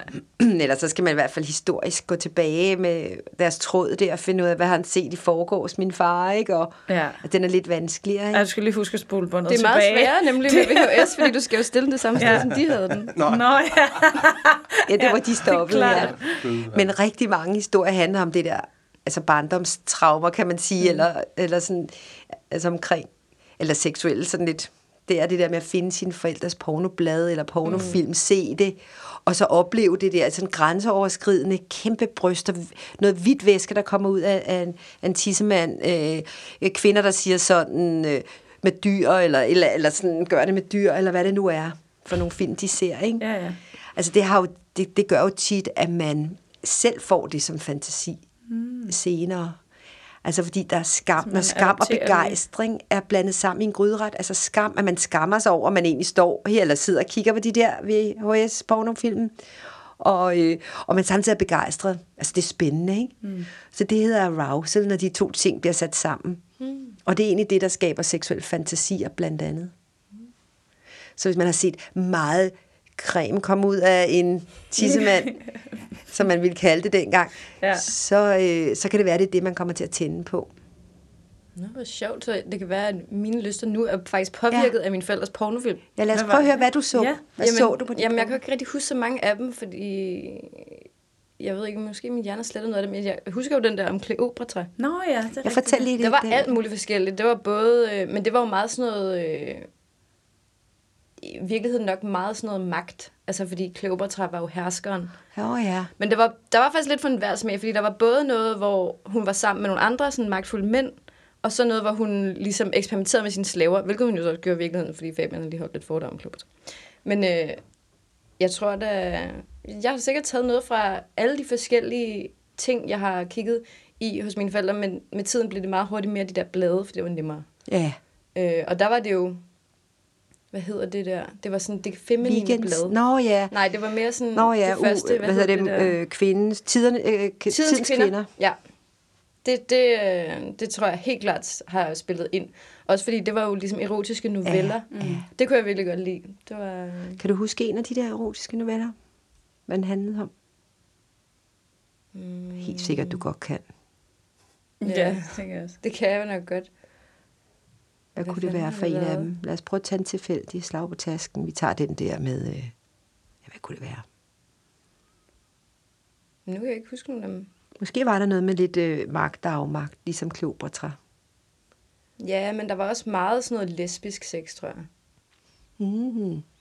Der var okay. mange forskellige... Øh, altså, men det var også meget blidt tit i de der noveller. Okay, det var ikke, ja. Hvis der var noget... Øh, jo, de havde også en tegneserie, øh, som jeg også kan huske.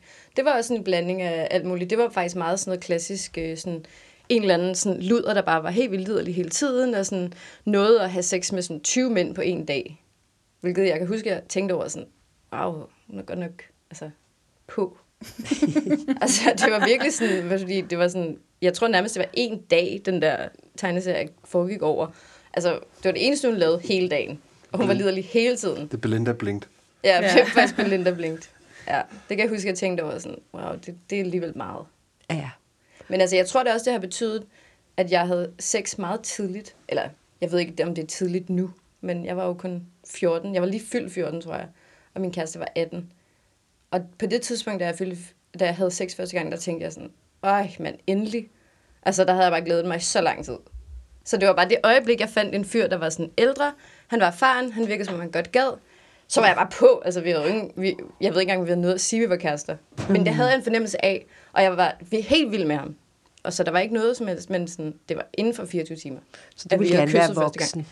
Ja, det vil jeg gerne. Ja, det er det der med at være, ville være voksen jo i den alder der. Det er det nok. Ikke? Og det er at have en 18 år, og det at, at dyrke sex, så er man voksen. Ikke? Eller det ja. at drikke sig mm. fuld, så er man voksen, eller ryge smøg. Eller... Ja. Jeg har faktisk ikke engang rigtig været fuld, tror jeg. Så du tog voksen med det der med sexen, og det var også klart, det var det, dine forældre gjorde som voksne, og de havde de her voksenblade og voksenfilm, ja. og, og alle vil jo gerne være voksen, når man er 13 og 14.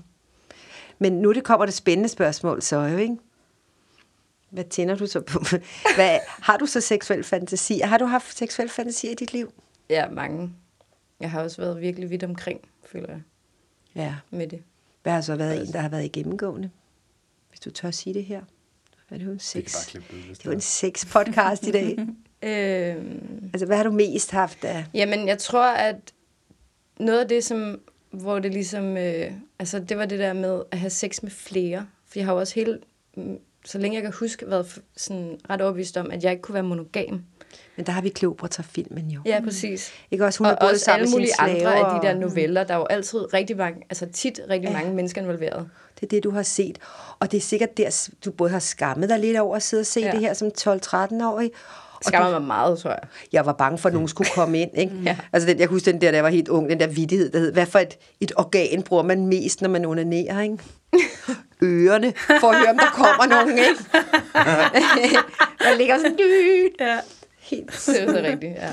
Så, øh, så der har været mange mennesker, sådan, og så det så, det, det sætter sig så den der arousal i det der unge barn, hvor hormonerne er i gang med at også ankomme mm. til kroppen. Så sætter det sig ligesom, mm. og så bliver det en, en seksualisering, kan vi kalde det. Mm. Og så bliver det det, man igen og igen og igen gentager. ja. Det med mange, altså dyrke sex med mange. Ja, jamen, der gik heller ikke så lang tid før, jeg sådan, virkelig sådan, prøvede at få det til at ske i virkeligheden. Også på Ja. ja. nogle tidspunkter, hvor det var sådan lidt, åh, har jeg egentlig overhovedet lyst til det her? Eller sådan, hvor det også blev lidt grænseoverskridende. Er sådan orgie nærmest, sådan et kleopatra-orgie. ja. Eller hende den prostituerede i, i bladene i tidens kvinder der, der ja, Ja, ja. ja. også bare har sammen med så mange kunder på en dag. Jo, ikke? Igen et slags soloorgie, hun har der. Ikke? ja. Så Ja, det er så det er meget blevet din lidelse sådan- og glæde på en og Ja, samme ja, præcis, gang. men det er ret interessant at se, hvordan er sådan, det ændrer sig med tiden. Og at jeg skulle helt klart ud i nogle sådan yderpunkter for at finde ud af, hvad det ligesom... Der var Eller jeg dig. har så aldrig nogensinde tænkt den tanke, at det kunne have noget med min forældres porno at gøre, men det synes jeg er virkelig interessant. Ja. Men det, altså, udover øh, hvor det ligesom stammer fra, som jeg egentlig ikke har tænkt så meget over, det tror jeg bare, jeg har tænkt sådan, nå, det er nok bare opstået i mit hoved, men det er klart, det kan selvfølgelig, kommer et sted selvfølgelig fra. hænge det sammen med det der. 100 procent. Men det har været virkelig godt for mig, på trods af, at, eller sådan, nej, ikke på trods af noget. Det har faktisk bare været virkelig uh, interessant rejse. Også bare fordi, at jeg er et helt andet sted nu. Ja. Og det er bare øh, sjovt, at det kan ændre sig så meget. hvor er Men du sådan kan alt jo i livet. Det er jo bare fordi, øh, man har en eller anden... Eller jeg tror i hvert fald, jeg er opdraget til, at man ligesom er på en bestemt måde, og så er man sådan. Altså det der med, at man ændrer sig sindssygt meget igennem hele sit liv, det ved jeg ikke, det har vi i hvert fald bare aldrig rigtig sådan... Det er ikke noget, vi har snakket om i min familie. Det er sådan, nær, faktisk nærmest modsat, at sådan, min mor er overbevist om, at hun er vred, og hun har altid været vred, og hun vil altid være vred. Ikke? Og det var jeg også det første halvdel, eller langt den første stykke tid af mit liv, indtil jeg fandt ud af, at jeg kunne lave det om. Men sådan tror jeg bare underbevidst også, at jeg har tænkt, at det var med lyst eller fantasier eller sådan nogle der ting. Og så var det ligesom, Nå, men sådan er jeg. Og jeg er ikke øh, monogam, jeg er nok mere polyamorøs, og jeg er nok sådan en, der bla bla bla et eller andet. Ikke? Men det har jo så bare ændret sig sindssygt meget nu, og det synes jeg er vildt spændende. Ja, så hvor er du henne nu? Så er jeg jo bare sindssygt monogam. Mm. Og helt vildt forelsket i min kæreste. Og jeg sådan, bliver mere og mere forelsket i ham for hver og du dag, ville i hvert fald ikke ønske, at han- var ude og være poloamorøs eller polygam. Nej, nej, jeg ved ikke. Jeg har nogle gange drømme om det stadigvæk. Øh, altså ikke sådan, men hvor jeg drømmer, at han er sammen med nogle andre. Og jeg ved ikke, altså... Og ved du, hvad det er? Må jeg godt lige sige lidt Ja. der? Det handler om jalousi. Ja, men det er også sjovt, fordi at jeg har været jaloux for første gang rigtig i mit liv. Mm. Sammen med min kæreste nu. Mm, det er godt, fordi så oplever du den Ja, præcis. følelse. Vi skal jo igennem det hele, ikke? Det det. Og i det øjeblik, vi begynder at tænde lidt på, at han er sammen med nogle andre, så er vi seksualiseret jalousi. Mm. Fordi vi har svært ved at tage det op i den virkelige verden. Mm. Altså, jeg er jaloux, og stå ved det. Så kan vi seksualisere mm. det, i stedet for sådan... Og så er der enormt meget energi på det der med, at han lige pludselig er sammen med en anden, hvor vi endelig vil tænke, ej, jeg hader, han er sammen med nogen, og jeg bliver så jaloux. Nej, så er der så en meget kraft i det, at, at det er så stærk en seksualitet, at man kan sidde og kigge på de to, der er så sammen, selv, mens man selv sidder og onanerer, øh, øh, og nærmest vil have, at de skal lave mere. Mm. Selvom det er helt ulogisk, jo ikke? Fordi man er jo forelsket i ham, og man ønsker jo ikke, at han er sammen ja. med nogle andre. Men det er en jalousiseksualisering. Ja. Så alt det, vi egentlig ikke tager til os og kigger i øjnene som den lyserøde elefant, det kan vi seksualisere i stedet for. Men jeg, nej, jeg ønsker helt klart ikke, at han skal være sammen med nogen andre. Nej, overhovedet. selvfølgelig gør jeg har heller ikke selv lyst til at være sammen med nogen andre overhovedet. Men det er bare sjovt. Det er helt nyt. Det har jeg aldrig, aldrig prøvet før. Nej, og hvor lang tid har du været sammen med ham så? Tre år. Wow. Og det bliver bare stærkere og stærkere. Ja, helt vildt. Så der er du nok inde i kernen af dig selv, altså at, at, ja, at det, er- betyder, tror jeg, hvorfor skulle han, er. Det tror jeg, er den ja, de, hvorfor skulle han ligge med Charlotte, når han har dig? Ja, men jeg er heller ikke, altså jeg er aldrig nervøs, når han går ud. Jeg kan godt nogle gange vågne og være sådan, Gud, kan jeg vide, om der er nogle andre hunder, der prøver at få fat i ham. Men altså, det er ikke, øh, det var mere i starten af vores forhold. Der, der følte jeg virkelig sådan ægte jalousi, og det gør han også. Men vi snakker, eller vi også, øh, vi kommunikerer meget klart, så det er sådan, det var egentlig bare fint nok at få lov til at sige det, og indrømme det over for sig selv, som du siger, sådan, wow, jeg er vildt jaloux lige nu over, at du skal være væk en hel weekend, ud og spille musik, og du skal stå på en scene, og der er alle mulige, der skal kigge på dig, og jeg er så bange for, at du bare bliver pissefuld, og så kommer der alle mulige, og så vil de kysse, og bla bla bla. Men øhm, ja. Og det er vidderligt første gang nogensinde. Altså, jeg har kendt dig i 100 år. Ja. Jeg har aldrig oplevet dig jaloux før med Peter. Det er Nej. virkelig øh, det er meget spændende, fordi at jeg altid har været meget jaloux. Og du har været sådan, hold op med det. Ja. Så skal du bare lade det være med. jo bare være, det er ikke fordi det skal være en forklaring på det, men du sagde jo selv, tidligere havde du været lidt mere sådan polyamorøs, og var det andet sted i dit liv, hvor du gerne var, var du åben for de her ting? Det kan være, du bare, måske bare har lukket lidt ned for de ting nu. Det ved jeg ikke. Men jeg og- tror også, det var min øh, frygt fra gamle dage, at blive almindelig. Mm. Altså, jeg var så bange for ikke at være noget, hvis jeg ikke ligesom kunne vise verden, hvor anderledes jeg var. Eller sådan. Det tror jeg har styret meget af det, jeg har foretaget mig tidligere i mit liv. Og så når man ligesom lægger den frygt væk. Og, øh, og så også fordi mig og Peter mødte hinanden på et tidspunkt, hvor vi begge to nærmest, altså som vi snakkede om før med det der med kriser, der øh, skaber mulighed for at gro på en anden måde. Altså, jeg var ligesom det punkt, hvor jeg tænkte sådan, Nå, men hvem er jeg så? Eller sådan. Og så er der jo bare mulighed for få nogle helt andre indsigter. Så vi havde ingen... Øh, det var ligesom om, vi havde ikke noget at miste nogen af os, så vi gik ind i det uden filter. Det var ligesom om, det var sådan en confessional øh, i starten, hvor vi begge to bare fortalte hinanden alt. Altså også alt det der med mine forældres pornofilmer, alle de ting, jeg har lavet tidligere i mit liv. Jeg fortalte ham bare alt uden filter, og uden at være bange for, at han fordømte mig, fordi jeg var jo egentlig et eller andet sted, hvor det var sådan lidt, pff, som om der ikke var noget, ikke? Og det samme gjorde han, og så var det ligesom om, det bare var renset, og så, på, så endte vi jo så med at få et forhold, som så bare ligesom udviklede sig derfra, så der, var ikke, der er ikke noget, som ikke øh, bliver sagt, eller sådan. Og så selvfølgelig opdager man altid nye sider af hinanden hen ad vejen. Og vi har også øh, brugt, nu kommer det her til at handle meget om mig.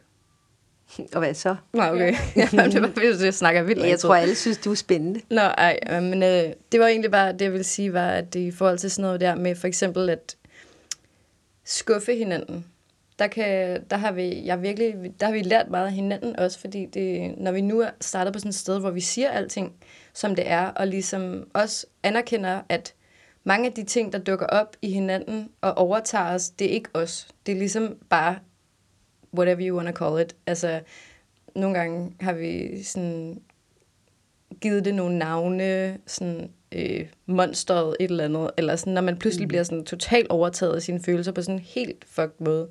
Men så det, hjælper det ret meget at skille det ad fra os selv, fordi ja. vi godt ved, det er jo ikke os, det er ligesom et eller andet i vores underbevidsthed, eller vores fortid, eller whatever.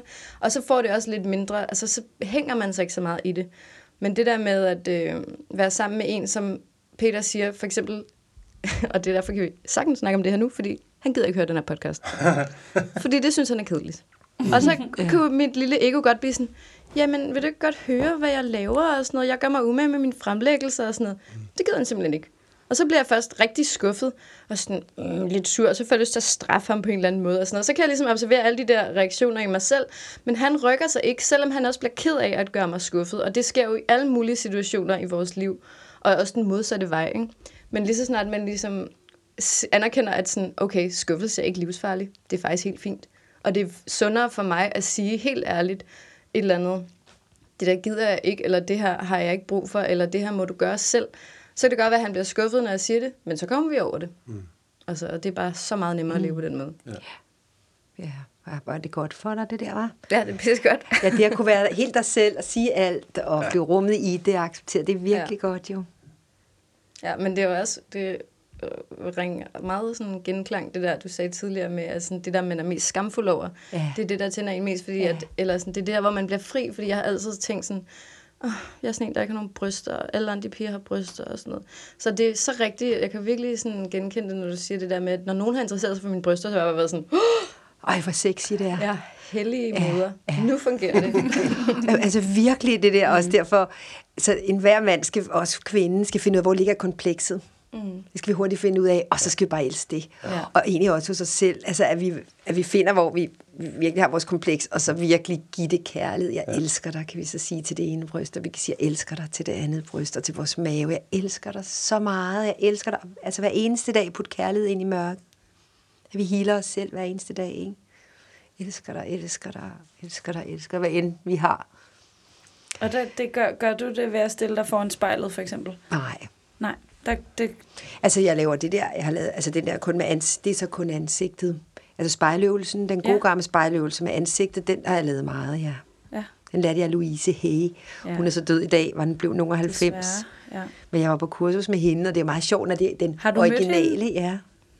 Sejt. Ja, den det kan vi originale da. kvinde, der kom med det for 50 år siden, ikke? Og, og så det der med at sige til sig selv, i det, i det uskyldige sted inde i ens øjne, ej, jeg elsker dig, og så sit navn, ikke? Mm. Jeg elsker dig, Louise. Jeg elsker dig virkelig, virkelig højt. Altså, jeg svigter dig aldrig. Jeg vil altid være der for dig. Altså, sige sådan nogle ting til sig selv. Mm. Det er også det, der healer øh, jalousi, for eksempel, ikke? Altså det der med, du er så fyldt inde i alt muligt spændende og interessant. Du er et virkelig interessant menneske, det synes alle. Fordi tit, når man er jaloux, er vi bange for, at, Ja, at vi er at tomme. mindre, ja. Ja, at vi ikke er interessante og spændende. Der er en anden en, Mrs. Wright, derude et eller andet sted, der er meget mere interessant end os, ikke? Så det der med at sige de ting til sig selv, det healer os jo. Og blive ved med at sige, jeg elsker dig så meget, jeg svigter dig aldrig, jeg vil altid spørge dig først. Og sådan... Altså, den er taler god, jeg vil sådan- altid spørge dig først. Den, den er så god om dine følelser og dine behov. Mm. Jeg vil altid være tro over for dig. Finde ud af, hvad der gør dig glad. Og så blive ved med at sige det der, jeg elsker dig så meget. Altså, du gør det så godt. Du er så flot også. Det ser så godt ud, altså. Så det, den healer virkelig den der øvelse mange gange om dagen. Mm. Louise Hay, hun gjorde det seks gange om dagen. Hver gang hun gik ud på toilettet, sagde hun, altså kiggede hun sig i spejlet og sagde de der ting til sig selv, og smilede til sig selv og sagde, wow. Og, ja. og hun havde også et stort spejl stående på hendes øh, skrivebord og sådan noget. Altså hun gjorde det rigtig meget. Mm. Og hun havde jo den der livsgnist til det sidste. Ja, altså jeg, jeg bruger det meget. Altså, jeg har fået et full body spejl. Wow. For ligesom, fordi jeg var så træt af at være sådan... synes, det var irriterende at høre den der sætning sådan, ej, om 5 kilo, så er det bare helt perfekt. Om 5 kilo, og det var fuld, u, det, uanset hvad jeg har vejet, så er der altid manglet 5 kilo. Nu er jeg bare sådan, det, det gider jeg ikke mere. Og det er virkelig, sådan, det er virkelig hjulpet. Altså sådan, hver gang jeg går forbi det der spejl, lige sige noget positivt, eller lige danse lidt for mig selv, og det virker absurd, og jeg er rigtig glad for, at der er ikke nogen, der ser, når det sker. Fordi det ville jeg synes var øh, lidt til en pinlig side. Men for mig, der virker det bare at være sådan, okay, ved du hvad, det er, ja, det kan godt være, at øh, du ser anderledes ud nu, end du gjorde for to år siden. Det betyder ikke noget, jeg elsker dig alligevel, krop. Ja, for det kan meget hurtigt blive sådan noget... Åh, ser, ser, ser jeg stadig sådan ud? Eller er det tykkere? eller Ja, ja. det kan bare sådan rigtig blive negativt noget, så det går ud for, at man skal sådan... Ja, Ja, ja. ja. vigtigt, at man lige sådan opdrager sig selv til at sige sådan, hey, Ja, præcis. Altså, sådan, jeg, havde, en- jeg havde, en- har en veninde, som lige har fået en vægt i gave af sin kæreste. Hvor jeg var sådan, hvad? Øh, Og var ikke, det var ikke så rart. Den, får Nej. man hurtigt, den kommer man hurtigt til at fortolke i hvert fald. Hvor jeg var sådan, hvad, hvad det, det er virkelig en mærkelig gave. Det Men er vi det. skal altså være, vi skal, vi skal, altså det kommer jo også med alderen.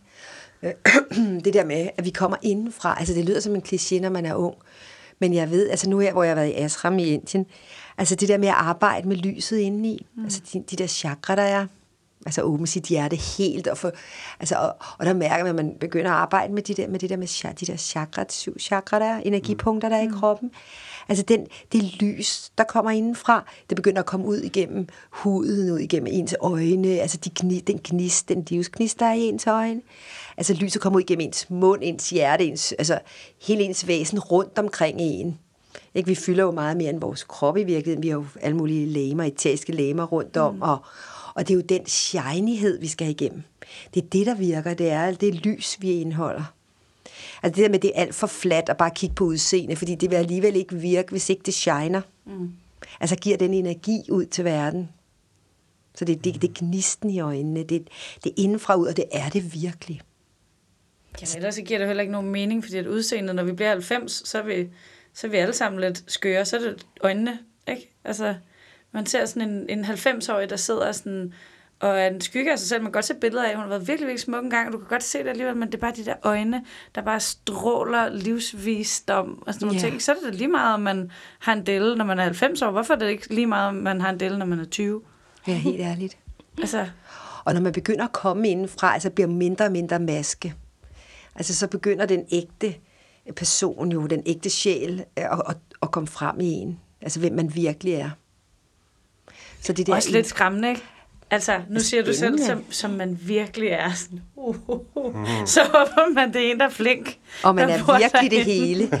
Altså, vi er jo ikke det ene uden det andet. Altså, lidt ligesom sådan et, hvad hedder sådan et urværk. Altså, der går til den ene side, der går til den anden side. Er man meget, meget glad og udadvendt. Men så har man lige så stor den anden side. Så man er jo lige så indadvendt, mm. og, og nogle gange bekymret eller depressiv. Eller, altså, man er jo ikke det ene uden det andet. Mm. Altså, pendulet går jo ikke kun den ene vej, så halvt ned. Det går jo lige så meget over til den anden side, jo ikke? Ja. Så vi er jo det hele, hele tiden. Og vi skal jo lære om farvene. At vi både er en pæn pige og også en liderlig tøjte. Mm. For eksempel. Mm. At vi har begge ting i os, og gud, hvor er det dejligt. Og det er jo for eksempel også det, mænd læser i kvinder, det er, gud, hun er både den søde, sjove pige next door, men hun er også en rigtig vamp. Altså en rigtig tøjte om aftenen, eller om eftermiddagen, eller hvornår det nu foregår.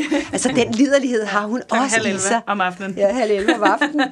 Der, hvor vi ellers ikke burde gøre det, Nej, fordi nej. der er testosteronen jo egentlig væk, og vi er trætte, ikke? Ja, det er Og alt efter 21, der skulle, det skulle vi egentlig lade være med. Ja, Er det rigtigt? Det er Ja. ligesom, at man ikke må spise efter klokken 6, så må man ikke have sex efter klokken 9. Det må man gerne, men for eksempel, men- mens testosteronniveau, det er helt fyldt tank om morgenen, og helt fyldt tank, når de har lavet en eftermiddagslur.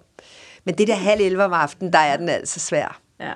Og det samme for kvinder, fordi vi, altså, vores liderlighed kommer jo af testosteron, det mandlige kønshormon. Og det har vi også masser af i blodet om morgenen, når vi vågner. Eller ikke masser, men jeg er ikke lige så overhovedet til nærmest vis, det mænd har, men Nej. Dog alligevel lidt mere om morgenen. Og måske det er derfor mange godt kan lide morgensex af kvinder. Altså der har vi så heller ikke fået den sociale maske på endnu. Der slapper vi af, vi er i krop, vi, vi har Vi en god varme. temperatur. Nemlig, det er nemlig Ja, ikke ja. den der... Mm, plus testosteron, så den, den er tit god om morgenen der. ja, det er svært, når man har et dejligt 9 Ja, det er svært for alle dem, der har et rigtigt job. Ja, Hvis man lige skal prøve at lige vende en lille Ja. smule tilbage til seksualundervisning, ja. og samtidig med at holde fast i det her, som vi snakker om, det der med at kunne elske sig selv og sådan noget. Mm. Er der, altså jeg kan ikke mindes, der har været noget seksual undervisning, eller hvad skal man kalde det her egentlig, i gymnasiet for eksempel. Altså det stopper, man har ja. det Ja. i 6. klasse, og så Jamen, kommer det ja, ikke rigtig ja. mere. Det er så, mærkeligt. Så finder du bare ud af det. Og det er virkelig godt. Og kæft, hvor er det en god pointe. Det har jeg, det har jeg faktisk aldrig tænkt over Fordi før. det der med, som du selv siger, det der med, at man skal kunne elske sig selv og sådan noget, men det skal man vel bare selv finde ud af, så hvorfor kommer der Det ikke nogen selv ikke råde ud? Hvorfor kommer du ikke ud, når du er sådan helt befippet rundt teenager, Ja. noget der... Og det er der, de går i seng med hinanden for første Ja. gang, får deres første kæreste. Det er gymnasie eller HF. Ja. Hvorfor har man ikke... Øh, Ja. Altså, sådan, hvad kan man sige, ugenligt, eller i hvert fald månedligt. Ja. Et fag, der handler om det. Og så skal man finde ud af det på Pornhub i stedet for, og så bliver det sådan lidt pornoopdragelse i stedet for, hvor piger tror, de skal være frække, og mm. drenge tror, de Ja. skal være frække på en helt pornoagtig måde. Ja. Og det er jo helt vildt kikset Ja. og vildt mærkeligt. I stedet for, at det går slowly, slowly. Og, Ja. mm. Altså øver sig. Øh, nu så jeg lige den der Gwyneth Paltrow Google Lab, der er på Netflix i går. Okay. Og der, der er sådan et, en, en af dem, en af de der, der er, øh, der er de på sådan et kursus, hvor de lærer, hvor kvinder lærer at udtrykke, hvad de godt kan lide. Og der kan man så vælge, enten om man vil masseres på sin hånd eller sin fod. Okay. Og bare det, at der sidder en anden kvinde og rører ved ens hånd, og man så skal sige, hvad man godt kan lide. Mm. Og godt lide, når du tager lidt hårdt rundt om mine pegefinger, eller jeg godt lide, når du sådan, du ved, øh, Ja. glider sådan med dine det er fingre. nemlig genialt. Altså, sådan, de bliver ja. så ukomfortable og se, uh, det er svært at få sagt. Bare. Ja. pegefinger. Og det er bare en hånd mm. eller en fod. Mm. Og, og det, er vi, det kan vi simpelthen ikke øh, gøre. Men det kunne være nogle geniale øvelser, for eksempel. Ja. Ikke? Altså sådan, at vi, og vi mere og mere tager os selv alvorligt på den måde, at vi har brug for først lige at øve os i, kan jeg med den her partner overhovedet finde ud af at sige, hvad jeg vil med min hånd? Mm. Altså, hvad der er rart, hvad der føles godt på min hånd. Altså, hvis jeg ikke jeg kan med min hånd, så kan jeg i hvert fald slet ikke seksuelt. Så det der med at tage de der lidt små skridt, altså det skal vi jo være bedre og bedre til, i stedet for at vi går direkte til Pornhub, som du ja. siger, ikke? Ja, ja, ja. Ja, så er det bare tørrenal derude af. I 2G. Det er så, men så dejligt Nå. det der med at starte med, med, med kysset, og, Ja. og netop sige, ah, det her det er dejligt, eller du må godt lige tage din hånd ind Ja. under min bluse, men så ikke derhen, altså Ja, kun ja. dertil, og sådan, ikke? Det er da bare med at nå at blive tændt. Bare lidt. Ja, bare det Ikke? jo det. Altså, ellers så er det bare sådan bot på den ene, bot på den anden, og så er det bare to fingre, og så er vi klar. Og det dur jo ikke. Ja, og der skal vi simpelthen være så, og, altså sex, apropos seksuel undervisning, man må bare altid sige nej, også midt mm. i det. Og det kan godt være, at man kommer til at netop at starte lidt for hurtigt og sådan noget, og man så ligger der et kvarter efter til, åh oh, nej, hvad skal jeg gøre nu, nu er han i gang. Men du må så godt sige nej nu. Ja. Ej, jeg kan ikke være med alligevel. Ej, prøv at høre, det, det er simpelthen... Jeg er slet ikke med. Jeg er helt ude af mig selv. Jeg, jeg sidder derovre på den stol derovre i, i rummet. Jeg, på, ja. jeg kigger på mig selv. Altså, jeg, jeg, jeg har slet Ja. ikke. Stop lige. Ja, ja, præcis. Og det skal drengene også lære, eller have at vide, går jeg ud fra. Altså, at det er okay for pigen at sige fra. Jeg går ud fra, at der er mange, der mm. bruger det efterfølgende. Hun sagde ja til at starte med, og så måske var jeg bare lidt for hård, men så var jeg eller for blid, eller hvad skal man sige, så ændrede jeg bare lige min taktik lidt. Men, men når pigen siger nej, så betyder det faktisk nej, og så skal mm. man stoppe. Men han har også brug for, at det går slowly, slowly. Fordi drenge øh, har jo også præstationsangst og for tidlig sæderganger, eller ingen sæderganger. Mm. Altså, der, der, der skal jo lige så meget op i, i deres krop, hoved og krop. Mm. Altså, de har jo også brug for at få sig selv med. Ja. Der ligger jo den der med, om han skal kunne, eller han har altid Ja. lyst, og hans pik er altid stiv. Og, Ja. Men det er jo heller ikke sandt. Forventningspres. Jeg Han er tænker jo da også virkelig også, at det må være gavnligt for drenge i den alder at få at vide, at de også må sige, ej, jeg, er ikke lyst." lige med. Ja, nemlig, jeg- jeg er ikke jeg parat nærmest, det endnu. er endnu sværere for dem Ja. at finde ud af, at de ikke selv er med i det. Fordi jeg tror, at der er virkelig mange i gymnasiet, der gør ting, de i virkeligheden ikke har lyst til, fordi ja. de tror, det er det, de skal. Ikke? Ja. Helt sikkert. Jamen, det må jo være, fordi man, altså, hvor har man lært det fra? Altså, ud af pornobladene, som man har fundet ved sine forældre. Og så steder. måske har snakket med en 18-årig, der har haft sex en gang. Jo, men når du er 16 år og en dreng, så er det jo heller ikke super, super øh, sexet og mandeagtigt at være følsom. Altså i den alder der, der skal man jo være øh, derudad, og mm. du skal også være god til sport, og du skal også være stærk og alt muligt. Hvis du så siger sådan, nej, jeg har ikke lige... Jeg, jeg har faktisk ikke lyst. Jeg er lige kommet til at tænke på noget med en skoleopgave, og nu føler jeg ikke lige, at vi er samme sted, og det bryder jeg mig ikke så meget om. Så nu laver vi lige noget andet. Altså, sådan, det tror jeg ikke er særligt tit, at man hører en teenage-dreng sige det. Heller ikke pige. Men det er selvværd. Og det er vi godt klar over. Altså det er selvværd hver eneste gang, at vi, at vi gør det der. Mm. Så er det faktisk, fordi man, er, man virkelig tager sig selv alvorligt, mm. og man har større værdi, altså man, end, som, end man havde i forgårs, for eksempel. Mm. Altså hver eneste gang, vi, vi hæver os i selvværd, så sker der et eller andet. Mm. Altså så gider vi ikke please andre mennesker, eller vi begynder at, hvorfor skal vi egentlig please folk, der egentlig ikke ærer vores selskab, for eksempel, mm. eller... Eller vi gider ikke gøre ting for en anden menneske, hvis vi selv skal ofre vores eget, altså hvis vi skal få et traume ud af det. Eller? Mm. Så jeg tror altså alligevel, at vi ville opdage, det var selvværd. Ja. Hvis en fyr sådan sagde, ej, jeg kan mærke, at jeg ikke er mig selv med, ved du hvad, jeg har lige brug for, sådan, så ville vi være sådan, wow, Ja, sådan, wow. wow, han er lækker ham der. Ja, præcis. Det ville ske, men jeg tror ikke, at, at den umiddelbare tanke for en teenage-dreng er at være sådan, okay, det her, det tager hun nok rigtig godt imod, og synes, at jeg er vildt følsom. Jeg tror mere, at de tænker sådan, det er måske lidt en øve. Eller for eksempel, hvis man, sådan, man, er, man er midtvejs, og en teenager skal bare have den stiveste pik i byen, og så bliver den måske sådan lidt en halvret. Det er da også en frygtelig, frygtelig ting at skulle, skulle deal med, når man er teenager, og man i forvejen synes, det er pinligt, at der er en bums på ryggen. Men så skal vi vide, at når man stopper, og man er kvinde, eller, altså dreng eller pige, kvinde eller mand, så er det bare wow. Mm. Altså for eksempel, hvis, synes, øh, hvis du øh, midt i det hele sagde, ej, jeg kan bare mærke sådan det og det, så vil man få det vildeste sådan, gud, ej, ej, ej hvor, hvor, interess- hvor er hun interessant, hun tager sig selv så alvorligt. Mm. Altså det er jo interessant, at folk tager sig selv alvorligt, fordi det er jo det, vi skal. Så vi, vi, vi vil jo være sådan, bow, I bow to you, mm. at hvor er det bare sejt sagt, hvor er hun storslået, gid jeg ture og sige det samme. Altså for eksempel folk, der tør at sige, hvordan de gerne vil have det seksuelt eller erotisk, eller hvor man nu er nået til sådan, og jeg godt tænke mig lige, at du prøver, og, eller prøv lige at, at, at røre mine bryster på den her måde. Og vi ikke gør dig umage nu med det, og gør lige sådan der, åh oh, ja, ja, ej, du får lige fra, fra 0 til 9, så det er en 8 nu. Åh oh, ja, og du er lige ved at bevæge dig op til en 9, ej, det er virkelig dejligt nu. Altså sådan ture ja. det, det er jo virkelig sådan, way. Men ville det ikke være det, der var spændende at have i seksuel undervisning Jo. i virkeligheden, ikke? Jo. Altså sådan, Hvordan kommunikerer selvværdet vi? seksuelt, og hvordan man Ja. kommunikerer, og hvordan man kan få lov til ligesom at være sig selv Ja. i det, og være med Ja. i det. For eksempel det der med at få kondom på os. Hvornår er det, vi siger det? Altså, og det er jo sådan noget, der skal på vej hjem, sådan, hvor man egentlig skal tage samtalen allerede nu, der hedder sådan, okay, mm. hvor mange, hvad har vi egentlig, når vi kommer hjem? Mm. Okay, vi har to øl i køleskabet, eller jeg har to øl i køleskabet, kan jeg huske, og så har vi to kondomer, ikke? Eller ja. Hvor mange har du? Har du to? Jeg har en. Og så har vi tre kondomer og to øl. Ja. Det er den fest, vi har. Ja. Ikke også, så når vi kommer hjem, så, skal, så har vi det der, vi, skal, vi gøre godt med. Det er en fin fest.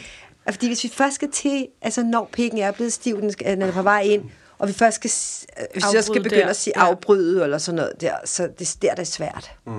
For det første, der afbryder piger ikke. der er man bare sådan, ved du hvad, han er så lækker ham her, så hvis jeg bliver gravid nu, mm. det er okay, fordi jeg er så vild med ham Bjarne her, ja. at, ved du hvad, det er helt okay, jeg er kun 17, men skulle det ske, så, ja. så bliver det mig og Bjarne i hvert fald. Så. Ja. så, så det er jo godt nok. Ikke, det også, synes jeg også tit, der er nogen, der siger sådan, okay, men jeg kan ikke lide at sige, fordi at de har oplevet, at en fyr er blevet sur, eller drengene kan ikke lide, fordi han måske faktisk synes, det er lidt svært at sætte på, og det bliver lidt akavet. Altså, Ikke? drengene gør det, pigerne gerne vil have. Så det er pigerne, der skal køre den her. Det er pigen, der skal sige, at jeg volder altid bedre, eller i hvert fald bagefter, så har det bare meget bedre, når der har været kondom. Fordi har der ikke været kondom, så går jeg bagefter og tænker, mm. hvad der er sket. Får jeg min menstruation? Har jeg fået en sygdom? Har jeg fået svamp? Har jeg fået... Mm. Men er det, er det rigtigt, at drengene gør simpelthen, Ja. hvad pigerne gerne vil, Ja. hvis de bare siger det højt? Mm. Drengene tilpasser sig pigernes behov. Så Louise. Nå, men det er sjovt, det, det er, ja, det, det, jeg tager den lige ind. Så tager jeg lige ind, ja. Mm, så derfor er det pigen, Det der jeg skal godt have sige vidst. det. Ja. Sige, okay, hvad har vi? Hvad for en fest har vi? Okay, vi har en halv flaske vin, og så har vi to smøger, og så har vi tre kondomer. Ja. Altså, sådan, altså at, man, at man er åben omkring, de ligger ja, her, ja. alle de ting bedre. der. Det hele ligger tilgængeligt. Ja. Ja. Sådan, sådan er festen nu, ikke? Hvad hedder det? Vi skal til at, at runde af. Mm. Er der noget i sidste, I lige vil have, have spurgt om? Eller skal vi lige vende noget eller andet nu? Men altså, jeg tænker, jeg kunne godt tænke mig at høre sådan, altså hvis nu du skulle give det ultimative gode råd til os tre, når nu vi bare lige skulle gå ud. Nu har vi lige, altså jeg har virkelig lært meget Helt vildt, i mand. dag. Men altså sådan et eller andet råd, som bare lige kunne være sådan en shining star. Det er altid rart med et lille godt råd fra en, der er klog og vis. Råd til hvad? Det kan være hvad som helst. Om, Ja, og så ligger der nok Det er meget i godt det der med, altså, at vi, at vi skal droppe lidt det der kommekultur. Mm. Altså hele ja. det der danskere har så meget, altså har så travlt med det der med at lege farmor og laver børn, farmor og laver børn. Mm. Far, altså kan vi ikke andre lege end det? Altså maskulin seksualitet eller hvad? Jamen hele det der, ja, altså hele mm. det der med, at det skal ende i en, i en orgasme eller Nå, på den udløsning. måde. Okay, ja. Og så hvor- i gamle dage var det så mandens orgasme, nu er det både blevet kvindens orgasme og mandens orgasme, og Ja. ja. det er virkelig hårdt, og vi lærer for dårlige orgasmer, altså at de skal files frem. Mm. Altså jeg synes det der med, jeg kunne godt tænke at prøve at øve mig i at være liderlig. Mm. Altså det der med, lad os prøve at finde vores liderlighed. Mm. Vil egentlig være mit råd. Lad os ikke nøjes med at få en orgasme. Lad os, lad os få orgasmer og være liderlige Ja, og på så en hvad og samme det? tid. Jeg prøver at øve liderlighed mm. faktisk, og så også prøve at være i nuet med sexen, så der ikke altid er det der mål. Altså det ikke altid handler om at få orgasme. Kan vi, ikke- kan vi ikke se, hvad vi, gør, der, vi bliver liderlige af i stedet for? Ja. Det kunne være Det synes spændende at er finde ud virkelig af. godt råd. Yeah. Amen. Det synes jeg er et rigtig godt råd. Vi vil være liderlige. vi Ja, vil. vi skal være lederlige her sådan onsdag, onsdag i regnvejr. Jeg skal lige finde det frem, kan jeg mærke. det skal nok gå. Tak Vi gør fordi det vi sammen. måtte besøge dig. Tusind Ja, tak. tusind tak. Det var så spændende. Tilbage til studiet igen, hvor jeg lige runder podcasten af, som vi ikke nåede sammen med Johan. Jeg tilslutter mig synes og siger mange tak for et meget spændende afsnit. Hvem havde troet, at uh, mødommen var fake news? Tusind tak til øh, Johan Ørting. Kæmpe, kæmpe dejlig kvinde med stort K. Virkelig fantastisk menneske. Tusind tak, fordi øh, vi måtte komme og besøge dig og lære så meget, som vi gjorde. Og øh, jamen altså, hvad er der mere at sige? Hvis man gerne vil øh, høre lidt mere om voksenskolen, så skal man huske at følge os på, øh, på alle mulige podcaststeder. Og sociale medier selvfølgelig. Øhm, voksenskolen på Instagram, voksenskolen på Facebook, og så ved jeg ikke, om det er andre steder. Eller øh, følg Sys på Instagram, Sys Bjerre, og Louise Kanfnise på Instagram, og mig, Telefabster, på Instagram. Følg med os hele vejen. Det skal nok blive godt, det her, på et tidspunkt. Ej, igen, stort tak til Jørgen Ørting og øh, Sys og Louise. I er så seje. Jeg er glad for, at jeg må være den ene mand i, øh, i den her, på den her rejse. Og lige sparke lidt øh, maskulinitet ind i det her afsnit. Det føler jeg virkelig, jeg fik gjort. Jamen det, hvis man lytter efter, så tror jeg nok, man kan høre, hvor man lige skærer igennem. Yes, yes. Godt, vi øh, ses derude. Så er der frikvarter.